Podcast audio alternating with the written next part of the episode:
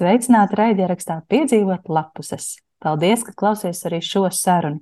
Es esmu Maija, un es turpinu sarunāties ar grāmatniekiem, ar grāmatu cilvēkiem, ar cilvēkiem, kas lasa grāmatas, dzīvo grāmatās un mēdz palīdzēt arī citiem grāmatniekiem viņu problēmās. Tātad šodien tiksimies ar diviem grāmatu kaučiem. Man patīk šis vārds, kas ir kuru var izmantot dažādi. Jo vārds coach ir arī līdzīgs vārdam divāns angļu valodā. Apmēram tā, līdzīgs. Un tad vienmēr iedomājos šos grāmatu cilvēkus, kas sēž divānā un daudz, daudz lasa, un dažreiz viņiem ir arī, ir, ir arī ko teikt. Labi, es beigšu pļāpāt un iepazīstināšu ar šīs dienas viesņām. Un šodien eh, man palīdzēs un par jaunumiem grāmatu plauktos stāstīs Eva, kuru Instagramā jūs noteikti pazīstat uh, pēc nosaukuma lapas pusēm pa pēdām. Čau, Eva! Čau visiem!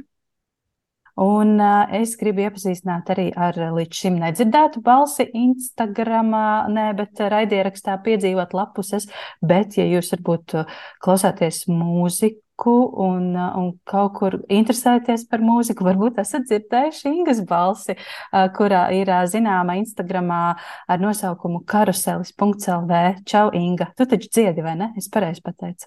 Čau, čau, dziedu, dziedu, jā. jā, lūk tā, es to biju pamanījusi. Uh, pastāstiet, jā, kā jums, kā jums iet martā? Uh, Eva, pastāst, kā tev iet ar lasīšanu kopumā, kā tu jūties kā lasītāja šobrīd?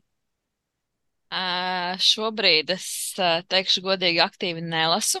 Es esmu fokusējusies vairāk uz darbu, un brīvais laiks ir diezgan mazs laiks, kas jāvelta vēl mīļajiem. Tad mīļos es uzlasu, šobrīd es uzliku kā prioritāti, un grāmatas ir mazliet palikušas novārtā, bet nav tā, ka es galīgi vispār nelasu, bet cenšos tomēr pa lapas pusē, pa lapas pusē, pa kripatiņai lasīt šobrīd. Un es ticu, ka jebkurā gadījumā tev būs ko teikt eh, visos šīs dienas jautājumos, un, un ko teikt un ko ieteikt. Pilnīgi noteikti. Jā, Inga, kas jauns tavā dzīvē? Man liekas, es pamanīju, ka tev ir, tev ir tu, tu piedalījies ļoti interesantā konkursā, pasākumā. Tu dziedi, tu lasi, pastāsti, jo man liekas, ka tu esi tāds cilvēks, par kuru mēs varbūt mazāk zinām. Uh, vai, vai tu esi salīdzinoši nesen Instagram grāmatu blogeru pasaulē, pastāsti par sevi droši. Vari daudz stāstīt. Uhu! nu jā, sanāk tā, ka tieši uh, par grāmatām stāstīt Instagramā patiesībā uh, 21. decembrī apritēja gads, un nu jau mazliet vairāk tagad ir jā. Uh, Un eh, tad jau tuvojamies pusotram gadam. Un, eh, un tad uh, katru mēnesi tad, ir arī tas prieks un tā apziņa, ka vajag ne tikai izlasīt, bet arī uzrakstīt atsauksmes. Un bieži gan sanāk tā, ka es vairāk izlasu nekā es pastāstu citiem, un tad man mēneša beigās to savalkot atskaiti, man vienmēr sanāk nu, pārmetums pašai sev, ka es nu atkal neesmu padalījusies ar kādu grāmatu, jo nu, tomēr tie uh, ikdienas darbi parasti ir priekšā jaunu, kas ir jāpaveic. Un tā kā arī ikdienā mans darbs ir saistīts ar tekstu rakstīšanu, tad, protams, primāri laiks aiziet tur. Un tad eh, šim te. Kā sirdsdarbam, hobijam, kas arī aizņem patiesībā tik daudz laika, un tad nu, sanāk mazāk. Bet nu, tad es cenšos, un nu, tad jau vienmēr tā kā mēs visi mēģinām atrast uh, laiku arī šim te grāmatu priekam. Jā, un paralēli vēl pati arī šo to rakstu, kas ir proza dzēja, uh, dziedu, un, un tad jau aktīvi darbojos un piedalos konkursos.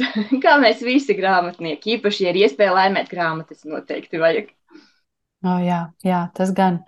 Nu, interesanti, jums abām ir piepildīta ikdiena, daudz darba saistībā gan ar pamatdarbu, gan ar droši vien ģimeni, bet kaut kur tur visur ir grāmatas, un par to tad mēs šodien parunāsim. Ha, Pirmais un, un droši vien interesantā, nē, visi jautājumi ir interesanti runājot par grāmatām, bet vienmēr ir interesanti, kas ir tas jaunākais, kas vēl nav varbūt pavīdējis Instagramā vai, vai nav vēl pa parādīts, atrādīts, bet kas nu pat ir nopirkts, kas ir tāds karsts, tikko no grāmatnīcas, varbūt tikko no bibliotēkas vai arī varbūt kāda draudzenē vai draugs ir padalījies ar šo grāmatu. Tā vēl nav iesākta grāmata, bet stāv plauktiņā kā pēdējā ienākusie, ienākusies. Eva. Uh, ja runājam par to lasīšanu, tad ar lasīšanu iet tā gausāk, bet ar pirkšanu iet ļoti raiti, ļoti. Tas Saprotu, ir, liekas, mēs visi saprotam. ir apburtais lokus, kad tu meklē laiku, kad nav laika lasīt vai nevar arī samanģēt laiku lasīšanai, bet pirkšanai tu vienmēr atradīsi laiku. Ja skatās par jaunumiem, kas ir manā plauktiņā pēdējā laikā, tad īstenībā es gan jaunajā gadā apņēmos, ka šis gads būs beidzot izlasīšu to, kas ir mājās, bet kājiņas jau paslīd un paslīd ar vien biežāk. Bet viena no pēdējā laikā mm, grāmatām, ko es arī uzsveru, kad, kā jau minēja, kad konkursi ir iespēja laimēt grāmatas. Un uh, viena no pēdējām grāmatām, ko laimēju es, ir Edijs Džeiku laimīgākais cilvēks uz zemes Aušvicas izdzīvotāja stāsts. Uh, smaga grāmata, kurā Edijs pastāst par savu dzīvi, kā viņš ir nonācis koncentrācijas nometnē, izdzīvojis tajā, bet parādījis šo spē, um, cilvēka lielo spēju un uh, spēku apzināšanos, kas īstenībā ir katrā mums iekšā, kad arī pēc šāda dzīves gājuma cilvēks var būt laimīgs, baudīt dzīvi, baudīt cilvēkus, kas riņķī un ir baudīt darbu, baudīt visu, kas, kas mums ir katram ir dots, neskatoties to, ko mēs esam piedzīvojuši. Var, varbūt mēs, mēs jau nekad nezinām, kad nāks šie kalni un kad nāks lejas, kad šī ir tāda, manuprāt, veiksmīga grāmata tādā ziņā, ka jāatcerās, ka laimīgi mēs varam būt jebkad tikai mūsos pašos ir jā, jārada šī vēlme. Tad otrs ir, kad es nevarēju, es nevarēju neizmantot izdevniecības Hēlijus ļoti uzrunājošās atlaides, un es iegādājos Roksijas Nafusī manifestē septiņu soļu uz labāko dzīvi. Manuprāt, šobrīd ļoti daudz arī sociālajos mēdījos vispār izskan vārds manifestēt. Pēdējie gadi, kas ir mums nezināmais Covid un, diemžēl, karš mūsos ir mainījis pašiem skatus pasauli. Manuprāt, šobrīd cilvēki cenšas meklē un saprotot tās vērtības, kas īstenībā, diemžēl, ar šādu notikumu mums pavēra. Kad uh, līdzcilvēka laime un savas dzīves kvalitāte īstenībā tas ir pats galvenais, uz ko mums ir jātiecās, jo mēs nekad nezinām, kad tad mums tā pēdējā diena pienāks mums pašiem vai kāds to cits izlems mūsu vietā. Tāpēc es iegādājos šo grāmatu. Jo arī man ir jāizmaina kādi soļi, ko es noteikti vēlētos. Es gan paskatījos grāmatniekiem, kad uh, daudzi, daudzas lietas uh, min, kad uh, ir jau zināmas, bet manuprāt, tas ir tāpat kā aizejot pie ģimenes ārsta. Tev saka, vai tu dzer dienā vismaz divus litrus ūdens? Manuprāt, šī ir viena no tām grāmatām, kas jāpāršķirs tiks pa laikam, atceroties arī tās lietas, ko mēs zinām, bet mēs viņas nerealizējam. Un tad vēl Helijus. Šajā akcijā es iegādājos Džūlijas Smitas, kāpēc neviens man to iepriekš nav teicis, kas arī īstenībā sasaistās ar um, uh, vismaz manu šī brīža spoguli, kad uh, mentālā veselība mums ir svarīga un tā ir jāceļ un par to ir jārunā un par jārunā arī nevis par to, ka mums šis stāvoklis ir uh, veiksmīgs un ir izdevies, bet kad uh, kad var arī mentālā veselība svārstīties un var no, tevi novest dažādās situācijās, un ka par to ir vērts palasīt un izlasīt. Bet īstenībā man saraksts ir ļoti garš.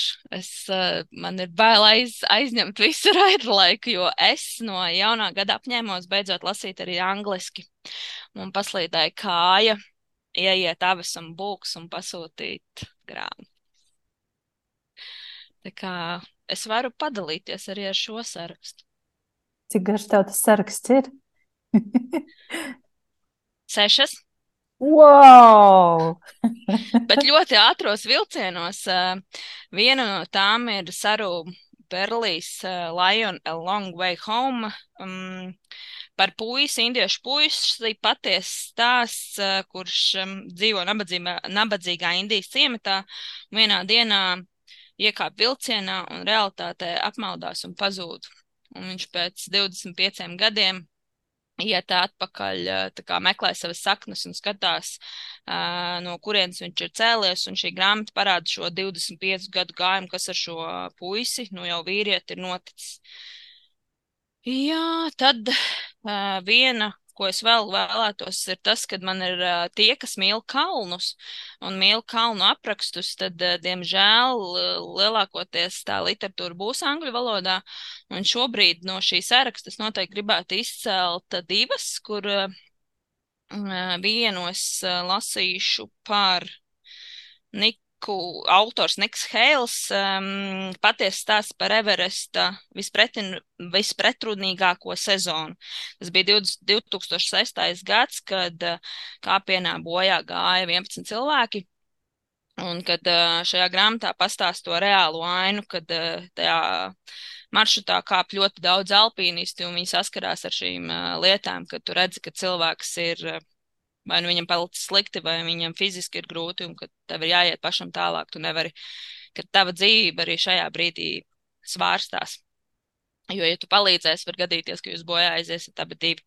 Un vēl kas ir interesants, ja ir kāds piedzīvojuma meklētājs, ir uh, Mišela Palina grāmata Erebus uh, patiesas stāsts par kuģi, uh, ekspedīciju kuģi kas karalienes Viktorijas valdīšanas pirmajos gados veica dažādas kara ekspedīcijas, bet pēdējā, kas bija visīpašākā, bija doties uz Arktiku, šī ekspedīcija devās uz Arktikas plašumos, un reāli šis kuģis ar visu 129 cilvēku apkalpu pazuda, un tikai 2014. gadā šo kuģi atrada. Un tad šī ir tā grāmata, kas, bija, kas ir noticis, izpētes, izpētes tāds atskats. Nu, tā īsumā. Nu, skaidrs ir viens, Eva, par to, ka tu aktīvi iepērc grāmatas, tu tiešām nemelo. Nē. tas, ir, tas ir skaidrs. Un tā jau ir, ka grāmatu lasīšana un grāmatu pirkšana nav viens un tas pats. Un nebūtu nav tā, ka mēs, mēs esam vienlīdz aktīvi lasītāji un pircēji. Bet uh, es no sirds novēlu, lai tev izdodas drīzumā arī izlasīt. Ļoti specifiskas uh, intereses, es teiktu, tā, tu zini, ko tu gribi sagaidīt grāmatā, vai ne? Jā, jā, nu, kā jau daudzi, ar kuriem es komunicēju Instagram un arī dzīvē par grāmatām, tad kalni ir mana stihija, kuras man, man patīk, man interesē, es pētu un lasu. Bet, un arī otrs, kas arī daudziem ir zināms, ka es esmu tāds, uh, kā, kā es vienmēr sevi dēvēju sarunvalodā, es tāds saļankas tips lasītājs. Esmu. Man ir ļoti daudz dažādu žanru, jo es uh, grāmatas izvēlos pēc sajūtām, ko es tajā brīdī vēlos lasīt. Tāpēc man ir gan romāni, gan krimināla žanra literatūra šausmu stāsti, gan arī reāli biogrāfijas un pieredzes stāsti. Nu, brīnišķīgi, paldies, Eva, ka padalījies ar savu sarakstiņu, bet tas vēl nav viss, un ja jums interesē, kas vēl bija Evas Avasona book, eh, books eh, sarakstā iepirkumā, tad rakstiet Evai Instagramā, viņa noteikti izstāstīs. Inga padalies ar eh, savu, saviem svaigumiem grāmatu plauktā. Kas ir jaunākais? Es ceru, ka tu pastāstīsi par to komiksu par šo. Jā, jā, jā. jā. Pats jaunumu, jaunumu, jaunums, ko es arī tad, eh, no autores eh, Lauras Melnes saņēmu pašā, pašā marta sākumā, Latgaliešu kultūras gada balvas Boņuks pasākumā, ir eh, nu, super jaunums, komiks, pirmais komiks latgaliski bērniem, sunāts brēvībā. Un uh, ilustrējusi ir Viviana Marija Stanislavska, un ilustrācijas ir vienkārši brīnišķīgas. Un, uh, ar ko tas ir lielisks? Tāpēc, ka pirmkārt, uh, tas ir pirmais komiks latgaliski, Uh, otrkārt, uh, arī uh, tādēļ, ka Laurai Melnē šī debijas grāmata, un, manuprāt, liekas ļoti laba debija. Un, cik saprotu, arī auto, arī pašai māksliniecei šis ir tā sava veida sapņa piepildījums, ilustrēt komiksu. Un, un vēl man šķiet, ka arī šī grāmata varētu būt ļoti labs tāds pilns no latgaliešu valodas uz lasītājiem, jo ne visi lasa latgaliski, Un, nu, piemēram, ja tur ir daudz sarežģītu vārdu, kas mazāk ir zināmi, dzirdēti, vai varbūt biedē tekstu palagi, tad šeit ir gan šīs ilustrācijas, kas papildina, gan arī nav daudz teksta. Un man liekas, tas ir ļoti labs veids, kā varbūt uh, iemīlēt latviešu valodu, iepazīt. Un nu, šī ir ļoti skaista grāmata, un es, es teikšu, patiks gan suņu mīļiem, gan arī kaķu mīļiem, jo tur būs vairāk kā viens kaķis izrādās. Un patiešām ļoti, ļoti laba grāmata, iesaka arī lielisks pats sižets, gan arī uh, vizuālais noformējums. Un tad nu, man tas tāds ir ļoti, ļoti super jaunas, par ko es esmu ārkārtīgi priecīga. Es ļoti gribu arī šo komiksu dabūt, un varbūt jau pēc mūsu sarunas nopirkšu, ja kaut kur ir nopērkams internetā. Jā, valoda.lv. Tur var iegādāties. Brīnišķīgi.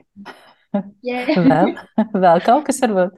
Jā, un tad, protams, arī izmantojot lieliskās atlaides, apgādā Jānis Roze, tad uh, dodoties uz uh, grāmatnīcu, tad es arī paskatījos, ko es tādu varētu sev vēlēties savā grāmatu plauktā. Tā kā man patīk grāmatas par kaķiem, protams, visas nenopirksi, bet ja nu kāda man iekrīt īpaši acīs. Un tad bija tāda Anna Strautnieces kaķi kamoli sapņi. Es neesmu lasījusi, apgāds Alis.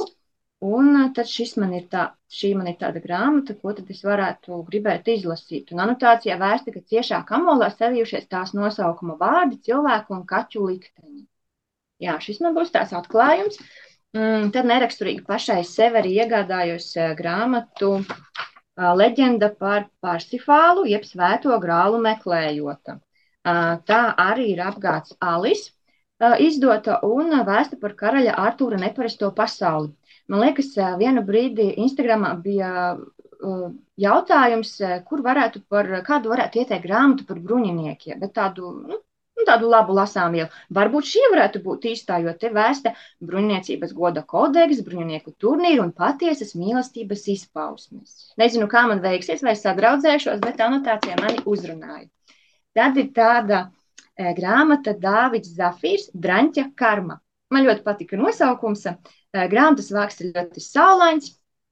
Un, un arī anotācija man uzrunāja aizraujošu un intriģējošu romānu.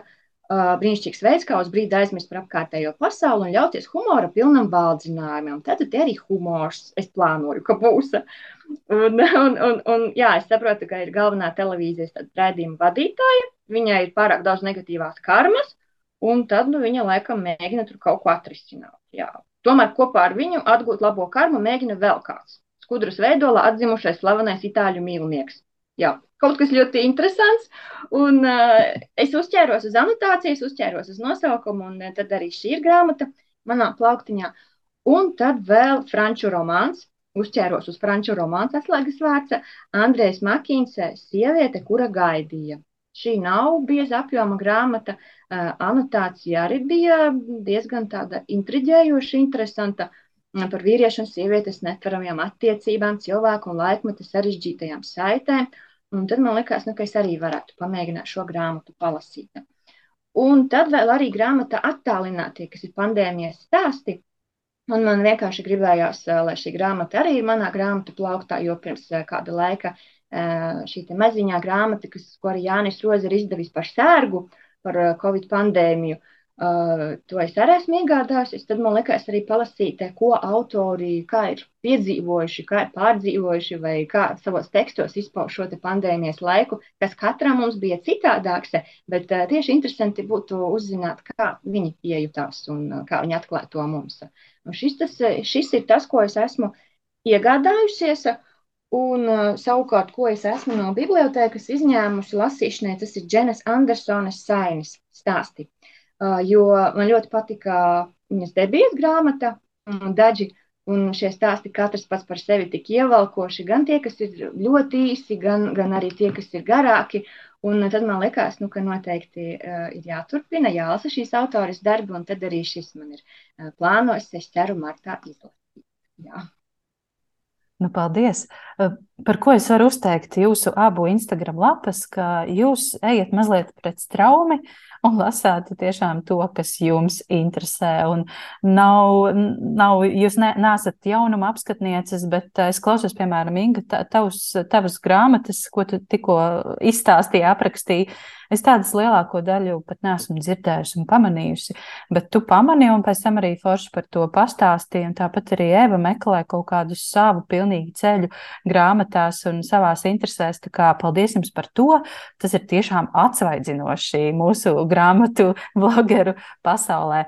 Uh, es ļoti labprāt gribētu izlasīt arī Sainijā, kas man te stāv blakus jau ilgu laiku, kopš decembra, bet es nevaru pieķerties.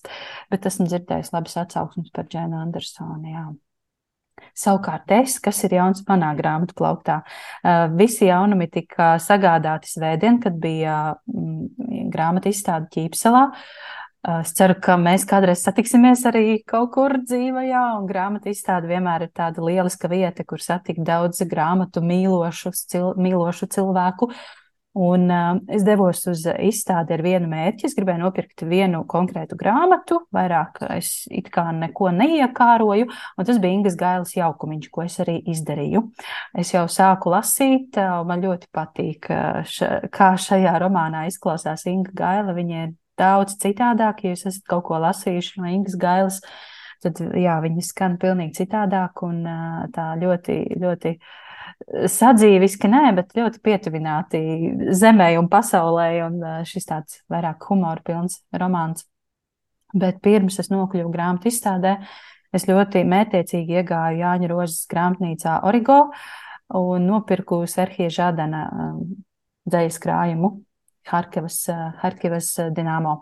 Es zināju, ka izdevniecība Orbīta nebūs ķīpselā, un tad man bija jāiet grāmatnīcā. Jā, un, ķīpselā turpat uz vietas, tad es vēl satikos ar, ar dažiem grāmatu izdevējiem un dabūju vēl grāmatas klāt savai kaudzītē. Man ir papildinājums Aminorī sērijā, kas ir šī vēstures sērija, jūs neesat redzējuši vai esat redzējuši un vēl neesat lasījuši.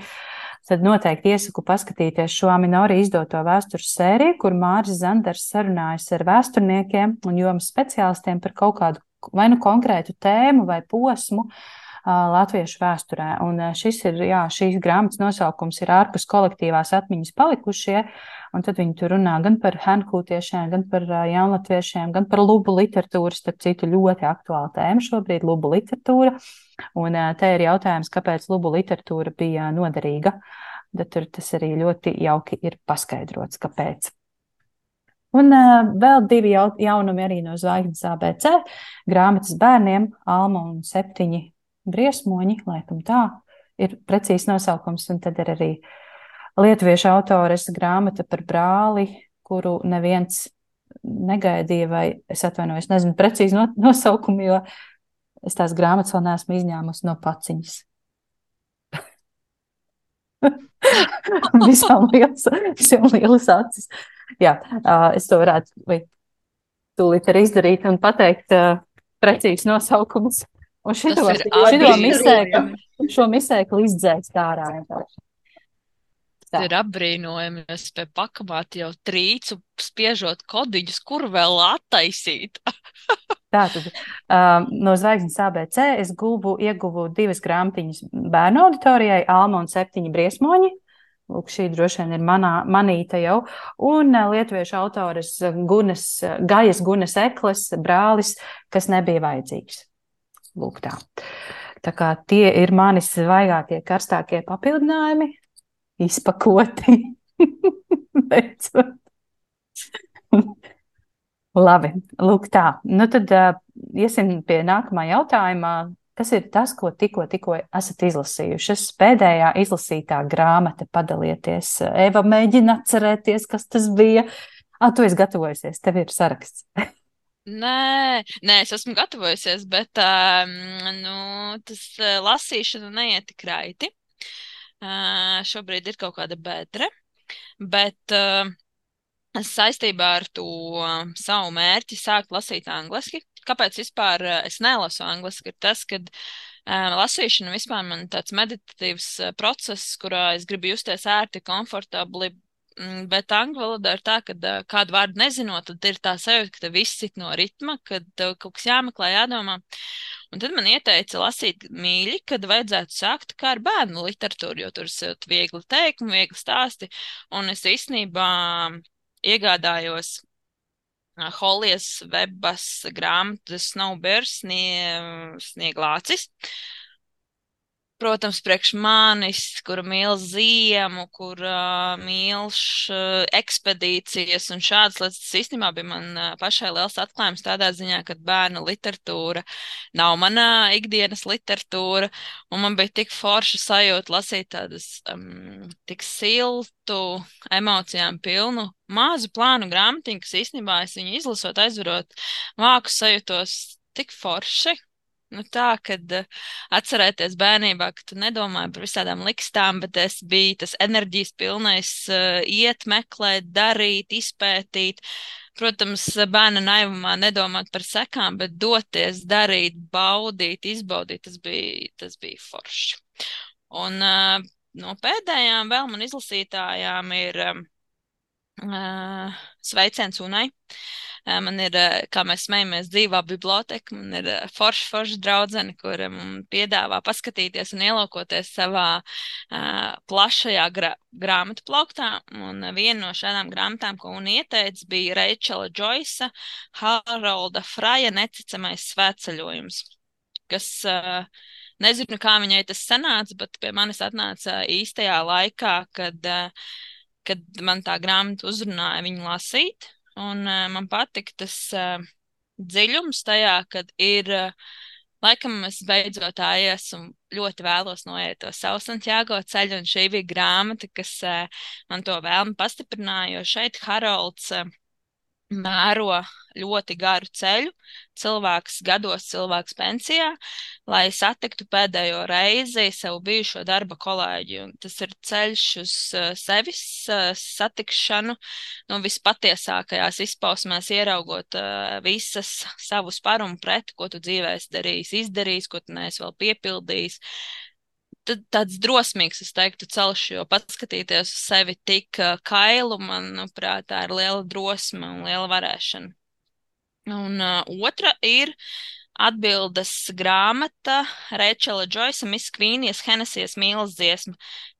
Tā ir tā otra medaļas puse, šī pati sieviete, pie kā Harolds dodas. Un, uh, es ieteiktu šīs abas grāmatas lasīt kopā, jo viņas ir kā puzles gabaliņi, kas vienā grāmatā tiek pasniegts šādi, otrā grāmatā tas tiek papildināts, un, bet kopsumā tas bija tāds, jā, sevis izzināšanas uh, grāmata, uh, varoņu, pašu varoņu, varoņu skatījumā, kā arī mīlestības un varbūt nosklusēto vēlmju un nepiepildīto sapņu tāds uh, romāna veidā uzrakstīts stāsts par šīm tēmām jā, tās ir tās pēdējās, kas man ir izlasītās arī.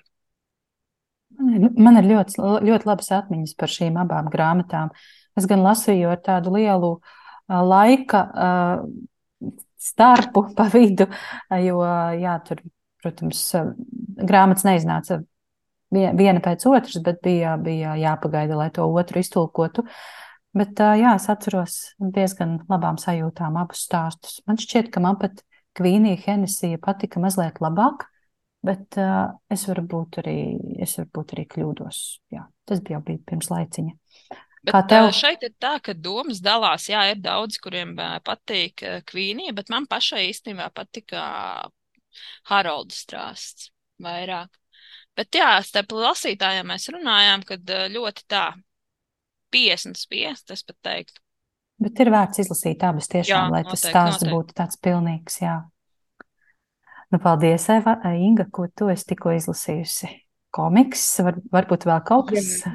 Jā, komiks tas jau ir tajā pašā vakarā jau izlasīts, protams.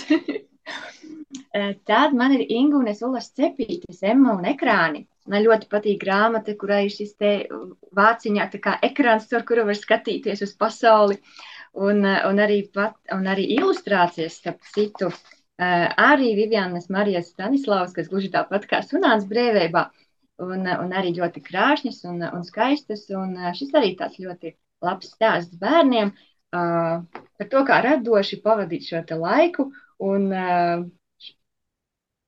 šo spēli īstenojot jautājumu un atbilžu, un tāds ļoti, ļoti, ļoti labs, kā izkāpt no ekrāna un pašiem brīvi radoši darboties. Un uh, tad arī grāmatā uh, Toms Dirgela, Kuka kunga noburtā grāmata. Par to es arī vēl neesmu paspējis uzrakstīt atsauksmi, bet man ļoti patika, un tā noskaņa man kaut kā arī raisījās. Arī šajā grāmatā bija minēta Rolda dāle raganas, un tad kaut kad bērnībā, kad šī grāmata bija lasīta, un es jūtu, jā, tur ir tā noskaņa šajā grāmatā. Man ļoti patika šī grāmata. Vispār es esmu secinājis, ka man patīk grāmatas, kurās ir par bibliotekāriem, par grāmatu pasauli, par grāmatām. Un man pat ir tāda doma, ka arī nu, ik pa laikam uh, pieķerties tieši šīm grāmatām, kurās uh, ir uh, vēstīts vai par bibliotekāriem, par, par, par, par, par bibliotēkām un tur noslēpumiem. Zinu, ka man savulaik ļoti patika seriāls, bija bibliotekāri vai bibliotekārs. Tas bija vairākās sērijās, un man ļoti arī patika. Un tur bija mistika, un tur bija bibliotekāri, un viņiem tur bija dažādas spējas, un, protams, zinības, gudrības. Un tad, jā, un tad tādēļ man šī grāmata ļoti patika. Un vēl tikko, tikko arī izlasīta, tepat kaimiņos dzīvo meitene. Uh, arī šī grāmata, un patiesībā varbūt te nav daudz tā teksta, tu tā šķir, katrs mēnesis tā kā viena lapuse, Un tad viņš atklāja to, cik patiesībā mēs varam viens otru cilvēku nepamanīt. Kā mēs varam uh, paskatīties otram garām un nenovērtēt cilvēkus, kas mums dzīvo līdzās. Un, un jo īpaši, ja tas jau notiek bērnībā, kā mēs varam izmainīt uh, uz uh, ne to labāko pusi tā otra cilvēka dzīvi, kuru mēs noniecinām, nepamanām. Un, un tā kā arī to esi bieži teikusi, īstenībā lielākoties katra šī bērnu grāmata patiesībā ir tāds tuk-tuk pieklauvē lielajam cilvēkam pie sirds un arī pie prāta jo mēs katrs esam bijuši mazi un kā mēs šobrīd esam izauguši, jo mēs nākam no bērnības, kāda šī bērnība mums ir bijusi. Un īstenībā šīs bērnu grāmatas ir ļoti dzīves, gudras un, un liek padomāt, liek aizdomāties. Jā, šie tad ir šie jaunumi, ko es tikko, tikko esmu izlasījusi. Jo, jā, es, es varu piekrist visam par bērnu literatūru. Un, uh, Iesaku bērnu literatūru, tā ir vislabākā terapija, vislētākā. Kaut gan, ja jāpērk pašam visas tās grāmatas, nebūs lēti. Bet bērnu grāmatas, jā, ir ļoti, ļoti skaists, kaut kas tik skaists un, un uh, reizē vienkāršs un sarežģīts. Tas ir kā mēs katrs uz to skatāmies un kā mēs sajūtam. Bet Toms, Tom, Toms, Toms, Toms Dirgēla gan ir īsts lietuviešu Roalds dāls, vai ne? Lietuviešiem ļoti paveicies ar tādu ražīgu autoru, kurš spēja, viņš ir jauns, bet viņš tā, un, ne bet, bet un viņš tā ļoti labi ar jauniešiem prot sarunāties un uzrakstīt aizraujošus stāstus tieši bērniem un jauniešiem. Kas man ir iepirkts, nē, bet izlasīts? Man martā īstenībā diezgan grūti iet ar lasīšanu. Es tikai tagad sāku lasīt mūsu raidieraksta februāra grāmatu. Sandra dusmojas, protams, un saka, ka es, ka es jau vienmēr nelasu viņas ieteiktās grāmatas. Uh, jā, bet nu, tā, tā sanāca. Martā es esmu paspējis izlasīt tikai vienu grāmatu līdz šim, līdz šim 9. martam, un tas ir Ilmāra Šlāpina pēdējais dzējas krājums Never. Never, never, nekad. Un um, Es ar tādu lielu interesi un pietāti lasīju šo grāmatu, jo Ilmārs Šlāpins, filozofs un, un tāds nu, gudrs cilvēks un dziļš cilvēks, un man šķita, ka, nu, es, ka man tur būs kaut kāda siena, kurai es tomēr nespēšu pārkāpt pāri, un šie teksti man neliksies tik pieejami un viegli lasāmi. Bet es kļūdījos, man tiešām ļoti patika šis dzējas krājums, tāpēc, ka es to sapratu. diezgan muļķīgs arguments, bet uh, man bija interesanti lasīt, un es kaut kā spēju ielasīties šajos tekstos. Un, un tie tiešām ir vienkārši, bet ļoti precīzi teksti. Pirmais dzējolis man šķiet, ka bija par uh, dzēniekiem un rakstīšanu. Man šķita, ka viņš tik jauki to ir pratis uzrakstīt, kā jūtas uh, dzēnieks un, un kā notiek šis rakstīšanas process. Un viņš eh, salīdzina dziniekus un dzīslu rakstīšanu ar apstākļu vārdiem. Ka vietas nozīmē dzinieks ir tas, kur dzēja mēdz notikt, laika nozīmē dzinieks notiek pat labam, tagad, nu pat šodien vai vakar. Veida nozīmē dzinieks nozīmē to, ka par dzēju var kļūt praktiski viss, nu un tā tālāk. Tas ļoti, ļoti labs dzējols, un arī pārējā grāmata man patika, un eh, es nejūtu tur ne tādu superintelektuālu snobismu vai aroganci šajos tekstos, un tas mani atbruņoja, un es biju tik priecīga, un man ļoti patika šī grāmata. jautājums numur trīs. Ko jūs lasāt tieši šobrīd? Eva, vai tu kaut ko lasi? Jā, šobrīd es uh, lasu izdevniecības Prometējas grāmatu Ļaunestība, uh, kuras autori ir Viktorija Švāba. Uh, tā ir grāmata par diviem uh, skolniekiem, istabas biedriem koledžā, Viktoru un Eliju, uh, kuri, teiksim, skolas uh, eksperimentu un pārbaudījuma dēļ sāks eksperimentēt ar diezgan baisām lietām un baisiem īstenībā beig beigās pamanot baisus atklājumus, kas ir, es teiktu tā, koķetēt ar nāvi uz tās vistuvākajiem, uz, uz tās vistuvāko līniju burtiskā un tiešā nozīmē. Es laikam negribu atklāt uh, sīkāk, bet jā, tik tiešām spēlējoties un koķetējot ar nāvi tik tuvu, viņiem rodās pārdabiskas spējas, bet jā, par pārējo es teiktu, lasiet grāmatā. Pameklējiet izdevniecības prometējas plauktos, mājaslapās, un, un uh, es zinu arī, Jā, ka to arī, manuprāt, es šo grāmatu lasīju. Esmu, jā, tāds kārtīgs trillers. Jā, un man īstenībā bija tāds, parasti mani uzrunātie labie tēli. Šoreiz es tik ļoti iemīlējos, teiksim, it kā tur īsti tādu konkrētu labā tēla nav, bet laikam es iemīlējos visspilgtākajā un tādā ļaunākajā tēlā. Bet, bet es, vēl, es vēl esmu 250. lapas pusē, es saprotu, ka man kaut kas vēl gaida. Bet, uh, iel, bet par brīnumu, tik tiešām neskatoties to, ka šobrīd man ir lasīšanas tāda bedra, Viņi ļoti raiti lasās, un viņi ļoti iesaistu. Un šeit pat man netraucēja tas, ka viņiem katrā nodaļā ir atskats pagātnē, kāda bija puiši un kāda bija skolas gadi un kas notiek šobrīd. Man tas pat netraucēja. Un vēl kas ir interesanti, kad uh, Viktorija Švāba rakstniece ir populāra jauniešu auditorijai, bet šī ir pirmā grāmata, kas sarakstīta pieaugušajiem. Tā kā, jā, tas ir tas, ko es šobrīd lasu. Mm -hmm. nu, ļoti labi. Autori ir eh, labi savu darbu izdarījusi. Ja tev ir kaut kādas vispār emocijas un, un sajūtas raisās par kādu no varoņiem, tad jau viss ir kārtībā. Inga, ko tu šobrīd lasi? Man ir tāda skaista grāmata Raina ielas cirks Luīzes Pastores. Un, uh, Un eh, tikko, tikko esmu sākusi lasīt, un man jau patīk, un izskatās arī eh, šīs lapuses, kas man liekas ārkārtīgi interesanti. Tās nav baltas, kas mums ir standartā pieredze, bet tādas gaiši, gaiši dzeltenas. Un nezinu, man pat tas liekas ļoti arī kaut kā to lasīšanas procesu padara citādāk, jo tas ir nu, tā neierasti. Uh, Un, un arī grāmatas formāts, tas arī nav tāds ierastais, bet tā citādāka formāta, kas arī, nu, cita lasīšanas pieredze tā ir. Un turklāt arī tā kā Reizekne ir Raiņa parks, tad nu, man ir jāizlasa Raiņa ielas cirks noteikti. Šī tā grāmata, ko tikko esmu sākusi, bet nedaudz, nedaudz pat dzējolītim, ir tāda grāmata Marika Svīķes, mēs esam viens otram. Un šī ir grāmata, kas, kas īstenībā ir ļoti interesantā ceļā pie manis atceļojusi. Jo tā ir atceļojusi no Valkas, ir ar Marikas Vīķis autogrāfu un 2017. gada 7. oktobrī Lugažos. Bet šo grāmatu es saņēmu tikai šogad. Nu, lūk. Un stāsts ir tāds, ka Valkā katru gadu tiek rīkots dzējas konkurss par godu dzēniecei Valgai Krilē. Un jauna autori tad piedalās, un es esmu piedalījusies kādas trīs reizes, un šī laikam bija, es neesmu varbūt pirmā vai otrā reize. Un es, man nesanāca uh, kā, doties uz šo apbalvošanas pasākumu, bet izrādās, ka katram dalībniekam, kurš bija piedalījies, no autoras Marikas Vieķis bija grāmata. Bet, nu, es nezināju, ka man šī grāmata ir paredzēta, kā pirms tam arī neviens ar mani nebija sazinājies.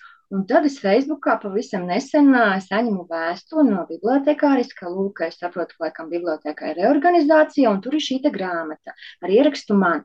Un viņa ļoti, ļoti vēlētos, lai grāmata nonāk pie manis. Un man liekas, ak, Dievs, cik skaists stāsts, un, ka, nu, un tā grāmata tā kā ir ieraksta man, un, un es pat nezināju, ka tā grāmata man ir paredzēta. Un tā šī grāmata man, pie manis atceļoja, un arī tas datums ir tāds zīmīgs, 17. gada 7. oktobris. Un, un tik ilgi šī grāmata ir bijusi man, un, un, un nu, beidzot ir atceļojusi. Nu, un tad es tā lēnām uh, ik pa laikam palasu pa kādam arī dzējoli. Jo arī Marikas Vīķis uh, ar dzējoļiem ir ļoti daudz arī dziesmas, kā šīs, šie muzikāli un, un dzējoļi. Jā, un ir ļoti skaistas arī ilustrācijas, tādas iedvesmojošas. Tā, tā grāmata ar stāstu. Lūk, tā, tas, ir, tas jau ir nākamais līmenis tam teicienam, ka katrai grāmatai ir savs laiks, vai ne? Jā, tiešām precīzi. -hmm. Nu, skaisti, skaisti satikšanās, un tas ir, tas ir labi, ka grāmatas atrod savus lasītājus arī pēc tik daudziem gadiem. Varani. Es savukārt lasu, kā jau es minēju, mūsu raidierakstā piedzīvot lapuses februāra grāmatu, kas ir Slavamirs Ravičs, ilgais gājiens, Lūk, rādu Evai un Ingai Vāciņu. Un šo grāmatu izvēlējās Sandra, kas to jau ir lasījusi jau, jau sen, senos laikos, bet viņa gribēja, lai arī es un, un Zāna šo izlasa. Un tad es lasu un mazliet dusmojos, bet ne uz Sandru, vairāk uz, uz pasauli, jo stāsts ir par apmēram 39. gadu, nu tas ir otrais pasaules karš. Poļu puisis tiek notiesāts padomju vara viņu notiesā un aizsūta 20, 25 gadus cietu, ciet, 25 gadus izciet šajā te labošanas darbu kolonijā Sibīrijā, cietumā Sibīrijā, un tas, tas stāsts ir vienkārši neiedomājams ar to, ka nekas nav mainījies. Ja es šo būtu lasījusi pirms diviem gadiem, es to lasītu vienkārši kā piedzīvojumu pilnu stāstu par eh, šausmām pagātnē, kā cilvēki no šīs nometnes, šie vīrieši seši atrod citu citu, un viņi bēg no šīs nometnes, un, un kā, kā viņi uh, cenšas izdzīvot un, un uh, tikt līdz kaut kādam drošam punktam. Bet šobrīd es to lasu vienkārši dusmās un šausmās, jo visi tie teksti, ar ko šie jaunie cilvēki tiek notiesāti, ko saka krievi, kā viņi domā, kā viņi izturas pret cilvēkiem, tas ir precīzi tas pats, kas šobrīd notiek Ukrainā, un, un tas ir baisi apzinoties, ka šī pasaule nav mainījusies gadu desmitiem, varbūt pat vēl ilgāk šī Krievu pasaule, un tur ir viens tāds labs teikums par karu. Tas Krievu komandieris prasa šim poļu puisim, tas jau ir Sibīrijā šajā cietumā, kā tev liekas, vai Krievija atkal iesaistīsies karā? Un uh, tas poļu puisis saka, bet kā tad ir ar, ar Somiju un, un nu, ar, ar tiem iebrukumiem, kas jau ir notikuši, kur Krievija ir piedalījusies? Un šis Krievu komandieris, viņš saka, tas nebija karš, tā bija atbrīvošana. Tieši tas pats teksts, jūs varat iedomāties. Uh, Jā, un nu, grāmata ir uzrakstīta ļoti, ļoti labi. Tas ir tāds tiešām, to var lasīt kā piedzīvojumu stāstu, bet to nav iespējams lasīt vairs kā piedzīvojumu stāstu, jo tam, protams, visam ir apakšā šā brīža sajūtas un cita, cita apziņa. Tā kā, ja esat drosmīgas un spējat, spējat izturēt, īpaši pirmā nodaļa ir drausmīgi sāpīga, un es tur noraudāju gandrīz visu, visas lapuses, uh, tad eh, varu ieteikt arī Slavomīra Raviča ilgo gājienu. Lūk tā. Bet ko jūs varat ieteikt no pēdējā laikā lasītā? Kas ir tas, eh, jā, kas, kas noteikti ir man jāizlasa, vai, vai Inga, ko tu varētu ieteikt tevai izlasīt, Eva, ko tu varētu izlasīt, ieteikt izlasīt mums un klausītājiem. Eh, tas varbūt pēdējā laikā lasīts, tas varbūt kādā lielākā laikā nogrieznī lasīts Padalieties, Eva? Uh, jā, es ieteikšu noteikti tās grāmatas, kas varbūt nav pēdējā laikā lasītas, bet ka, kas man ir ļoti tuvas grāmatas. Uh, viena no tādām, pateicoties īstenībā Aijai, ir banāna grāmata plauktiņā, un tā ir. Uh, Es gan pirmo no sākuma noskatījos filmu, bet uh, grāmata bija spēcīgāka, un uh, tas ir grāmata Brīnums autors R.J. Palacio. Uh, tā ir fantastiska grāmata par uh, puiku, kurš uh, nu, īsā versijā laikam sanāk, ka viņš centās, uh, viņam ir uh, vizuāls defekts. Un viņš centās uh, iedzīvoties un iedraudzēties skolā. Un tad kā nu viņam gāja, kā viņu pieņēma, kā viņu reizēm izsmēja un šīs visas lietas, kas uh, tāpat kā īstenībā, ko tu minēji, kā tikko par karu, manuprāt, nebeidzās nekad lai cik mēs augtu kā sabiedrība, lai cik mēs mācītu bērnus, lai cik mēs mācītos paši. Tā ir tēma, kas, manuprāt, paskatoties arī, ko dara organizācija, neklusē, paspilgtina beidzot stipri lielākos virzienos. Un, kad jā, ka šī grāmata man ļoti, ļoti rezonēja šādā skatījumā, kad uh, neviens gan ne es, gan ne jūs, mēs neizvēlamies, kādi mēs piedzimstam, kur mēs piedzimstam, bet mēs visi vēlamies būt pieņemti uh, sabiedrībā, pieņemti ģimenē. Un šī ir tāda burvīga grāmata, kas ir jāizlasa, manuprāt, gan bērniem, gan jauniešiem, gan pieaugušiem. Un, uh, es gan viņu meklēju kā ruguni, bet, uh, ja kādam ir iespējams šīs grāmatas, es nezinu, vai viņa ir izdota vēlreiz, vai varbūt tu zini. Man liekas, ka bet, nē tā ir burvīga drāma. Ja jūs kādreiz eh, domājat, ko kādam uzdāvināt, tad, manuprāt, tā ir ļoti dziļa, ļoti vērtīga dāvana ikvienam. Tad no grāmatām, kuros uh, iesaku vienmēr, kur ir arī stāsts, kad es iesaku paskatīties ik pa laikam savos grāmatu plauktos, kur ir kaut kur paslēpusies grāmata, kas ir sen, sen nonākusi pie tevis, vai arī paskatīties vecāku plauktos. Tā ir Reinholda Mesnera grāmata gājiens vienatnē Nanga Parabats par kalniem, par kalnos kāpšanu vienatnē, par sevis iepazīšanu, par drosmi, par reizēm arī par vientulību vai arī vienkārši par sapņu piepildījumu. Tā ir tāda jaudīga un spēcīga grāmata, bet, kad gribās sirds siltumu un gribās mm, palasīt kaut ko vieglāku, kaut gan arī tur ir paslēpts gan skumjas, gan, gan sāpīgas lietas. Ir pateicoties īstenībā Instagramam, es atklāju Frederiku Bakmanu, un grāmatu Omts sūta sveiciens un atvainojas. Man liekas, fantastiska grāmata. Uh, abrīnojams rakstnieks, uh, kas māca caur uh, siltumu, maigumu parādīt un rotaļīgi iepīt stāstā dažne dažādākās emocijas stāstus un īstenībā tik kolorīti varoņi, tik vienā grāmatā, tik intensīvi, man likās ļoti, ļoti jauka grāmata. Tas, tas tāds mans trīnieks no manis. Lielisks, lieliski ieteikumi. mīlu, mīlu brīnumu. Inga, ko tu vari ieteikt? Trīnieku vai vieninieku vai divnieku? Ievērošu trīnieku. Un uh, es ieteiktu izlasīt uh, Morkūna grāmatu no, no, no nomdirša dzīves, jo tā bija grāmata, ko es izlasīju, un tad man ilgi bija jādomā. Tā bija viena no tām grāmatām, kas tu tā kā lasi, un, un tu paralēli domā, patiešām tā notiek.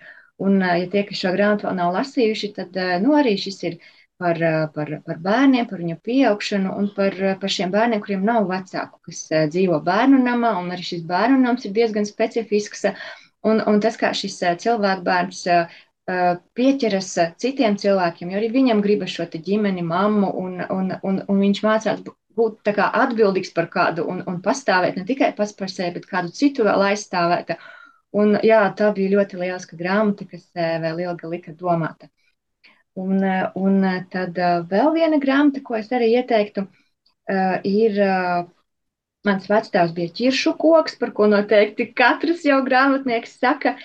Un, jā, tā tiešām tā bija ļoti skaista grāmata un arī atsauca bērnības atmiņas un, un, un, un arī, un arī, arī arī asaras acīs seriesās. Tā tiešām ir viena no labākajām grāmatām, ko e, tad, kad e, es arī sākumā izņēmu bibliotēkā lasīt, un pēc tam es arī pati nopirku, un vēlāk arī draudzenei svētkos vēl uzdāvināju. Nu, tas ir stāsts, ar kuru gribas dalīties, un, un, un tā, tā ir grāmata, kurai ir jābūt vienkārši mājas bibliotēkā, lai ir savējā. Un tad uh, trešā, kas arī ļoti brīnišķīga lieliem un maziem, Anastasijas uh, Volhovskas meleņu lācis, jeb sapņotāja kalendārs. Uh, jau arī šis nosaukums ir tik ļoti skaists, un arī pati grāmata Un man šķiet, arī gan lieliem, gan maziem sapņotājiem, kurš vairāk, kurš mazāk sapņo, gan, gan šī sižeta līnija, kurai tu vari dzīvot līdzi, un kas ir lieliski, ka katra lapus atkal ir savs mēnesis, un turklāt vēl katrai dienai ir savs vai svētku tā diena, vai kādu kopā darāmo darbu dienu. Man liekas, tik lieliska ideja, un, un tu vari gan kopā ar bērniem darboties, vai, vai izdomāt ar draugiem katru dienu kā svētki. Un uh, vienkārši lieliska grāmata, kurai arī noteikti būtu jābūt grāmatu plauktā. Ļoti sirsnīga un, uh, un īstenībā rosinoša. Nebūt vienatnē, nesēdēt telefonā, bet darboties un būt kopā. Un tas ir ļoti svarīgi. Nu, skaisti ieteikumi, jā. Eva, uzdāvini savu meliņu lāci. Man liekas, ka tev vajag šo grāmatu savā jau, dzīvē. Es jau, es jau sapratu, ka ķirša koks, ķirša koks ir manā plauktā, bet es atklāšu noslēpumu. Es vēl neesmu izlasījis.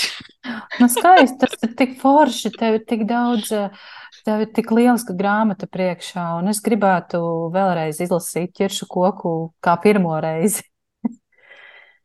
Nu, re, savukārt es no, no sevis iesaku lūk šo grāmatiņu.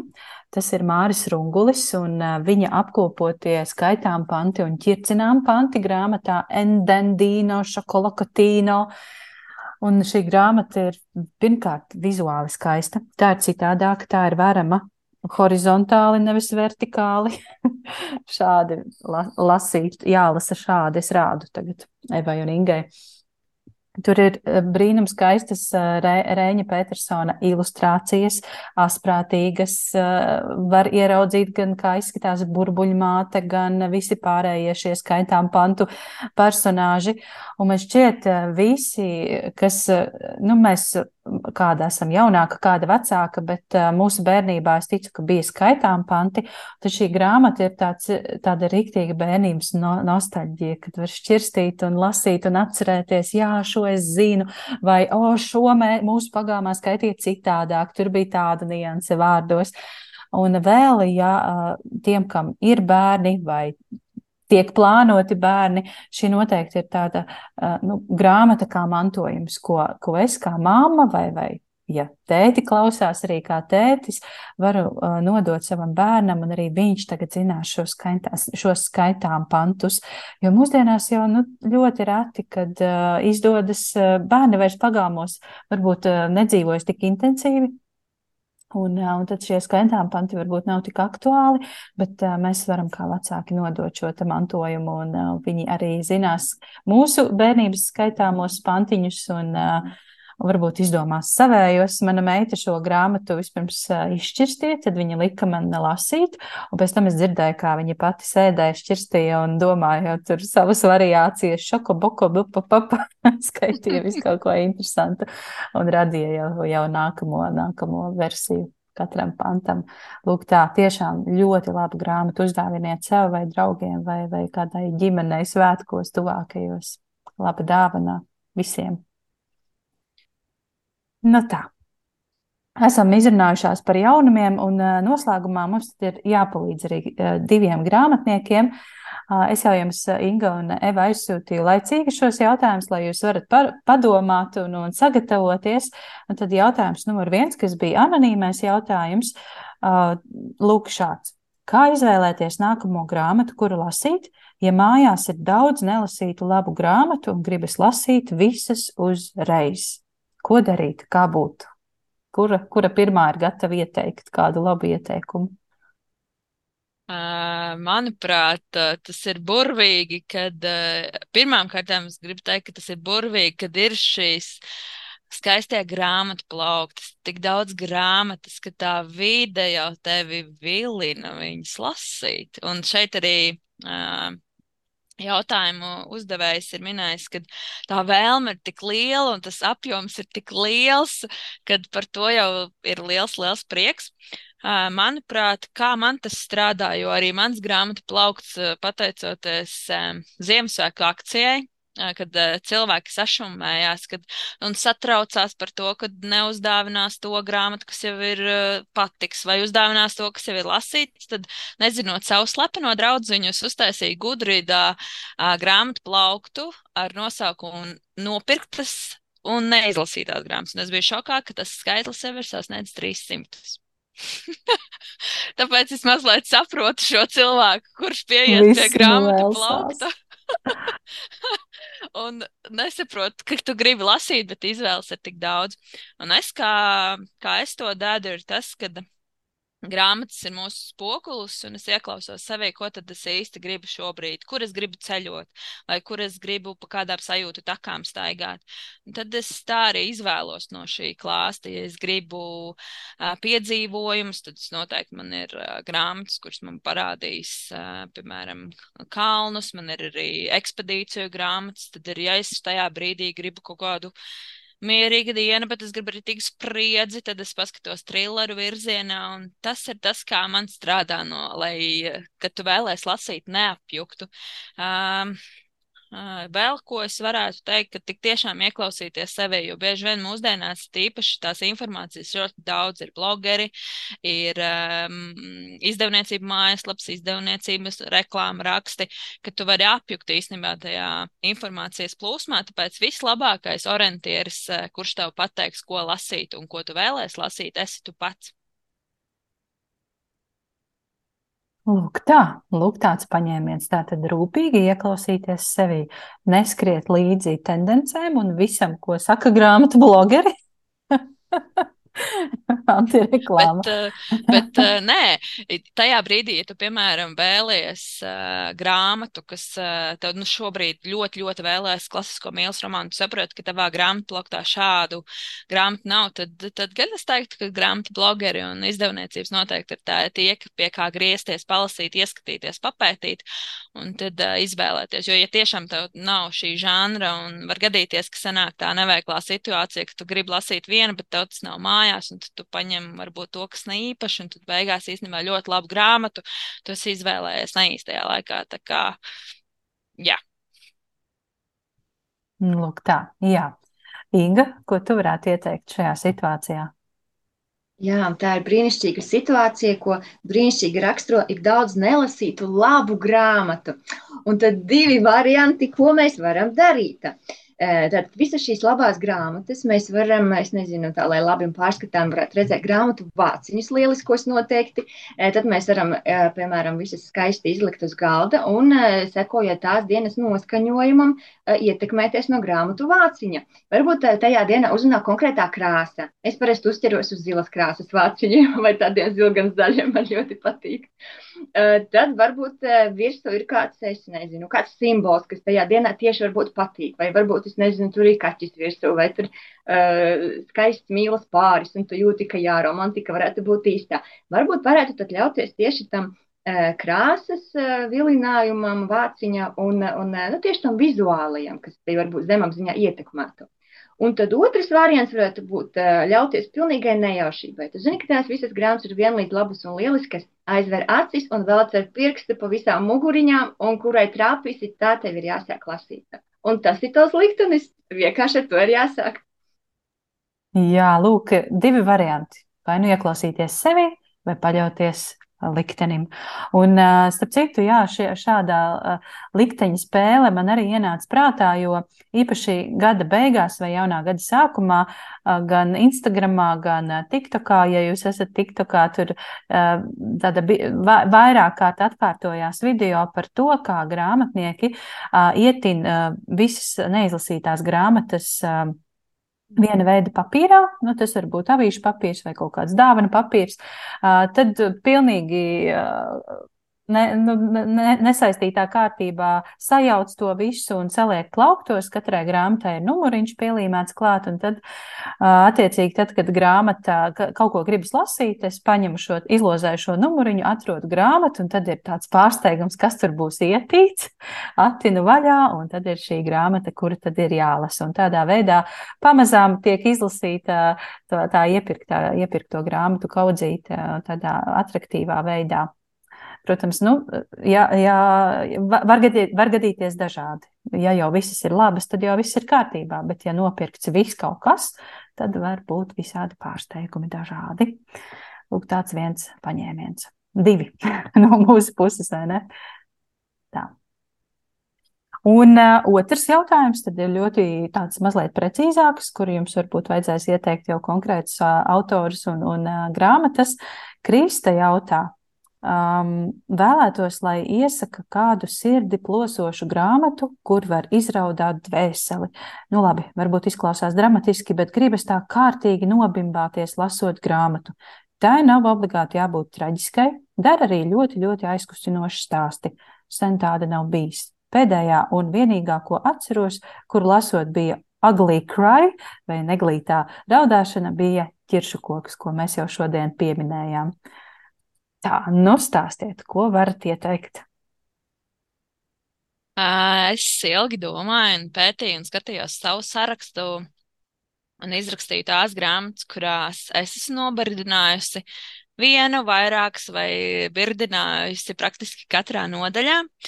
Un, zinot Kristu, viņai patīk piedzīvojumi, tad viena no tām, kur bija viens nodaļas pavērsiens, kurš mani šokēja un uh, kur es uh, raudāju, bija grāmata Olija Jal Jalonen 14 mezgli līdz Griničai. Uh, grāmata ir ar skaistu dizainu, un stāsts iekšā ir par četru cilvēku komandu, kuri dodas piedzīvojumā sacensībās apkārt pasaulē no Grīničas līdz Grīničai pa sākumu meridiānu. Viņiem ir dažādi piedzīvojumi, dažādi notikumi, dažādi slikti, labi atgadījumi, bet, kā es arī minēju atsauksmē, kad ir, ir lapas puse un ir nodaļa, kas šo visu piedzīvojumu tā kā maina, ļoti krasi maina. Un vēl interesantākais tajā visā ir, ka šis notikums uh, neaptur viņus. Viņi turpina doties līdz savam mērķim. Un, uh, un jā, sīkāk tas būtu jau spoilerot, bet uh, tā ir viena no tām grāmatām, kas taisni šajā, ka tu esi pats jau viens no tie piektais dalībnieks īstenībā šajā sacensībās un notiek tāds pavērsiens, kad tev liekas, nu, nevar būt, ka, tu, ka tur viss ir beidzies, bet nē, viss tikai turpinās.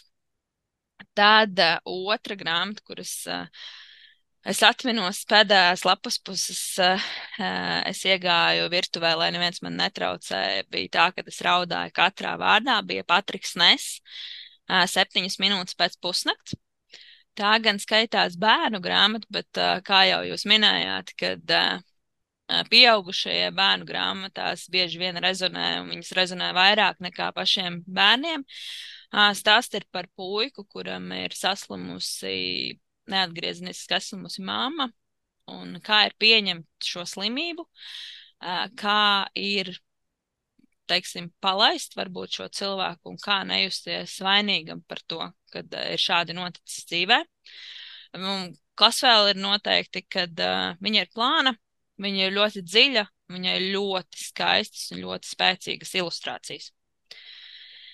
Tad ir viena grāmata, ko es domāju pieminēt vai nepieminēt, pirmais, ko es teikšu, kamēr vēl nenosaukšu grāmatu, šī grāmata noteikti, ja jūs vēlaties viņu lasīt, jums ir kārtīgi jāizvēlās, vai jūs esat tam gatavi, jo tā grāmata vēl joprojām ir uh, visspēcīgākā grāmata, ko esmu lasījis. Es ne tikai viņas milzīgā formāta dēļ, bet arī šī dziļā un uh, sāpīgā stāsta dēļ, kas tevi lauzīs, tik tiešām burtiski lauzīs tavas robežas, tavas saprātu, kad tu nevarēsi pieņemt uh, to, kas tur ir rakstīts, un visdzīvāk tas ir pasniegts tā, ka tu ik pa laikam iedomāsies, ka ir kāds cilvēks, kas to reāli piedzīvo dzīvē.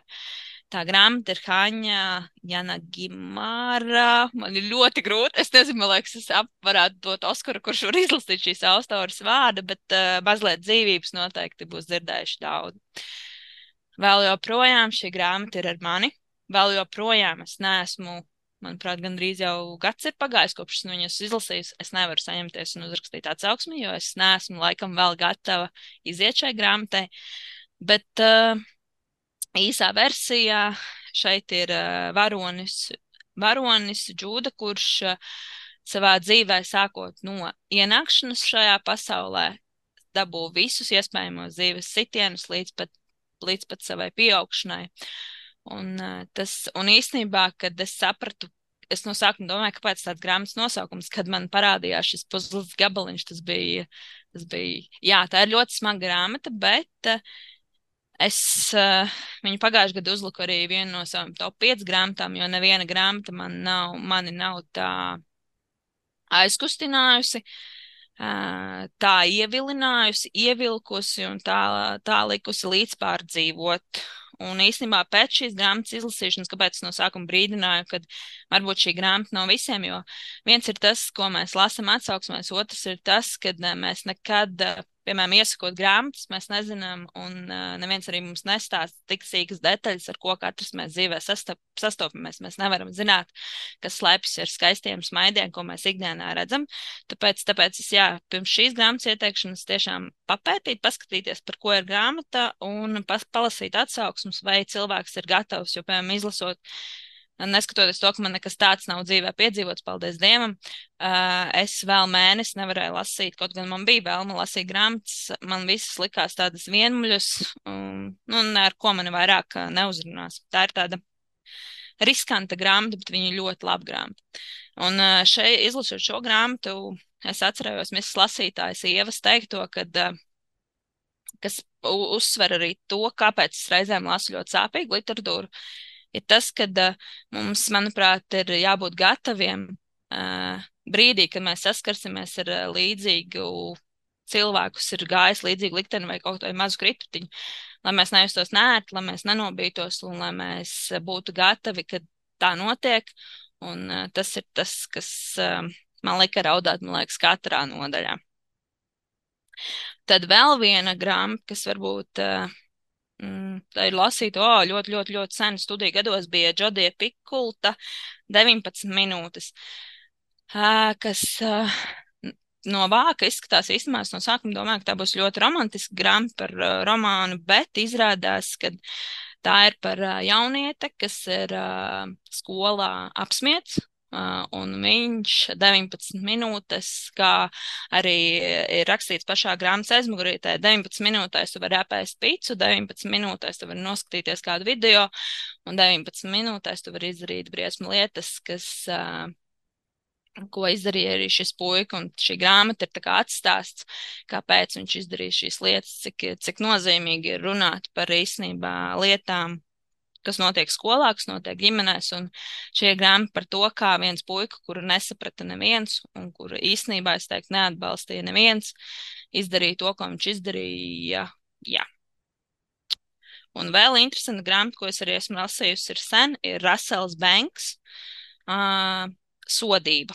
Grāmatas nosaukums ir sodība par to, ka uh, pieaugot un īstenībā nevēloties darīt lietas, to, ko mēs darām, mēs darām dēļ tā, ka mēs esam izauguši vidē, kur mēs esam izauguši vidē, un nestrādājot ar to, ko mēs esam redzējuši, mēs turpinam šīs darbības, vai nu tās ir, nezinu, piemēram, dzīvē, ja ir bijusi vardarbība, tad bieži vien neapzināti mēs to turpinam, un šī ir grāmata par vienu vīrieti, kas uh, dzīvoja bērnībā ne īpaši veiksmīgos apstākļos, un sirdī esot labam cilvēkam, to turpina darīt arī savā pieaugušajā dzīvē. Tas tā kā apburtais lokus. Jā, šīs bija tās grāmatas, kas man, man lika raudāt. Paldies, paldies Eva, par ieteikumiem. Es sev atzīmēju 19 minūtes, nebiju dzirdējusi par šo grāmatu. Jāpaskatās, varbūt es, es atpazīšu vāciņu. Uh, bet uh, es jā, sa, sausījos. Man ir mazs komentārs par mazliet dzīvības. Uh, šī grāmata stāv manā plauktā, un es to nopirku tajā pašā dienā, gluži, bet uh, jā, tik līdz tā parādījās latviešu valodā, bija nopērkama, nopirku.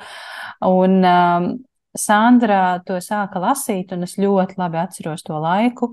Man liekas, tā bija ziema, un uh, es atceros to, kā Sandra lasīja šo grāmatu un sūtīja man Vācijā minūtēm garas Eh, balss ziņas, kurās eh, Sandra vienkārši izrunāja savu sāpju, savu pārdzīvojumu, lasot šo grāmatu. Jo tā grāmata, man liekas, es, es jūtu, ka tā ir, un to arī Eva to pati stāstīja, ka tā ir tik smaga, ka tu nevari viens palikt tajā grāmatā. Tev kaut kas, kaut kā tas ir jāizrunā, vai jāizstāsta, vai jāizventilē. Bet eh, tas pārdzīvojums ir traki liels, un eh, tiešām šai grāmatai ir tāds liels sarkans brīdinājums. Eh, noteikti jāuzliek uz vāka, jo tā nav viegli lasāma. Es tā domāju, es pati vēl neesmu saņēmusies šai grāmatai. Un jā. vēl kas ir, vēl kas ir interesants, ir viens ir tas, ka ir izdota grāmata. Vēl interesantāk ir tas, ka Anglijā biju, ir uzņemta teātra izrāde, kas man liekas to visu redzēt, nu tā burtiski vizuāli un uz skatuves. Wow! Jā. Jā. Uh, Inga, vai tev ir kas papildināms šajā sarakstā, raudamo grāmatu sarakstiņā? Jā, pagājušajā gadā vasarā, man liekas, izlasīju tādu bērnu grāmatu, un tās nosaukums ir Tik daudz, ko tev teikt, un autore ir Martīna Van Nīvenhūzena. Un man šī autore bija atklājums, un man šķiet arī es grāmatu nopirku pateicoties via atlaides, un tad likās arī skaists vizuālais ietēps un arī šī anotācija īsā. Un tad, tad, kad arī pirmie jau teikumi ir, ka šis pirmais virsraksts tik daudz ko tev teikta, un tad tālāk ir turpināms, bet uh, man liekas, ka viņš ir debesīs, un tad tu saproti jau, par ko šīs būs stāsts. Un uh, teksta nav daudz, bet uh, šis stāsts ir par āpsi un uh, viņa draugu draudziņu, uh, kurš ir nomiris, un kas ir arī neparasti šajās bērnu grāmatās, ka uzreiz pirmais teikums ir apša labākais draugs draudziņš ir miris. Ja parasti šo tēmu kaut kā cenšas nu, izskaistināt, kaut kā, kā neviļus izstāstīt, vai liek nojausta, kas ir noticis, un tad man likās, wow, un kas tagad tālāk būs, jo tas ir pirmais teikums grāmatā. Bet tālāk šis sižets atkal bija tāds, kā šis āpsis meklē šo savu draudziņu, visur viņu meklē, visur raksta viņam vēstules, Un tas it kā šī teksta nav daudz, bet tu dzīvo līdzi. Un, uh, un tā bija atceros, tā bija ļoti skaista saulaina diena. Bet, kad es izlasīju, man palika tādas skumjas un tādas gaišas skumjas. Bet tas bija, tā bija ļoti skaista grāmata. Un arī ilustrācijas ir ļoti skaistas. Un uh, es esmu priecīga, ka jā, es šo grāmatu iegādājos. Un, un tā ir arī ļoti laba grāmata, ar kuras palīdzību var runāt uh, ar bērniem par šo nu, nevieglo tēmu. Tad otra grāmata noteikti, ko varbūt, kas varbūt varētu būt risinājums jautājumam uzdotajam, ir Mājas Lundes sniegamāsa. Un man šķiet, ka šis arī ļoti maģisks stāsts, ļoti skaists stāsts, Un, principā, pašā beigās tur bez asarām arī īstenībā neiztikta. Jo, ja tas sākumā varbūt dzīvo līdzi, tur ir kaut kāda maģi, maģija, tur kaut kas jau notiek, kaut kas neparasts, centies tā kā noticēt, nu, kas tur tagad būs, un tad tas stāsts tev ierauj iekšā. Un papildus vēl arī uh, Līsas uh, aizsatu brīnišķīgās ilustrācijas, kuras, man liekas, arī ir tik maģiskas, un to stāstu vēl vairāk paspilgtina. Un, uh, jā, šī ir arī ļoti skaista, ļoti ģimeniska grāmata. Un, principā, varbūt pat arī kaut kas līdzīgs kiršu koka noskaņai šķiet patiešām, patiešām. Un, uh, tiešām arī mazliet ir tāda skumīga noskaņa. Un, lai gan tas ir Ziemassvētku stāsts, es uh, kaut kā šogad es uh, Ziemassvētku caur un es lasu Ziemassvētku grāmatas, bet es nejūtu to kā Ziemassvētku stāstu, varbūt tāpēc, kā ārā ir sniegs, bet īstenībā nevienmēr ārā gada laika noskaņa var ietekmēt to grāmatas lasīšanu. Un kaut kā es sajūtu to grāmatu arī bez tā visa Ziemassvētku noskaņas visiem bumbuļiem un, un, un rotājumiem, jo šis bija īstenībā stāsts par kaut ko pavisam pilnīgi citu. Un tad uh, trešā grāmata, kas īsti tomēr uh, nav raudamā grāmata, bet tā uh, ļoti skaista Čārlīs Makesīs puika, kurmis lapsa un zirgs. Un šī, šos varētu arī nosaukt par tām dvēseliskajām grāmatām, kas tā kā lapusi pa lapusē, uh, tu vari virpināt uz priekšu un baudīt kā, citātu pa citātam vienkārši. Un arī ļoti skaisti šie tušas zīmējumi, kas nav, nav spilgti, nav krāsaini, bet tieši tajos arī tā burvība. Un arī ar šo grāmatu man ir stāsts, kad es iepazinos bibliotēkā, man iepatikās, un es, protams, arī gribēju sev, lai būtu manā grāmatu plauktā. Un tā kā šī ir bērnu, jauniešu vecāku žūrijas grāmata, un tobrīd bija tas bums, ka tā bija izpirkta. Grāmatnīcā nebija. Es centos tad uh, elektroniski pasūtīt, un arī šobrīd nebija. Bet kā, bet man tieši šajā brīdī tā grāmata vajag. Un tad izrādās, ka man šo grāmatu atsūtīja no Saldus grāmatnīcas laikam. Līdz ar to no Saldus man atceļoja uz Latgali, uz Reizekni šī grāmata. Tā kā arī šai grāmatai ir stāsts, kā tā nonāca pie manis. Redz, grāmata ar stāstu. Šis ir šis tāds vadmotīvs mūsu sarunai šovakar. Un uh, tas, kas man patīk, ka es šodien, šovakar esmu dzirdējis šodien vai šorīt, nezinu, kad jūs klausītāji klausāties šo, bet šajā sarunā es esmu dzirdējis vairākas grāmatas, kuras es līdz šim nezināju, un es esmu tās piefiksējusi savā sarakstiņā. Inga, tev paldies par grāmatu, tik daudz ko tev teikt. Es nezināju par šo grāmatiņu, un man, man šī tēma ir ļoti tuva, nāves tēma bērnu literatūrā, tā kā es meklēšu šo grāmatu rokās.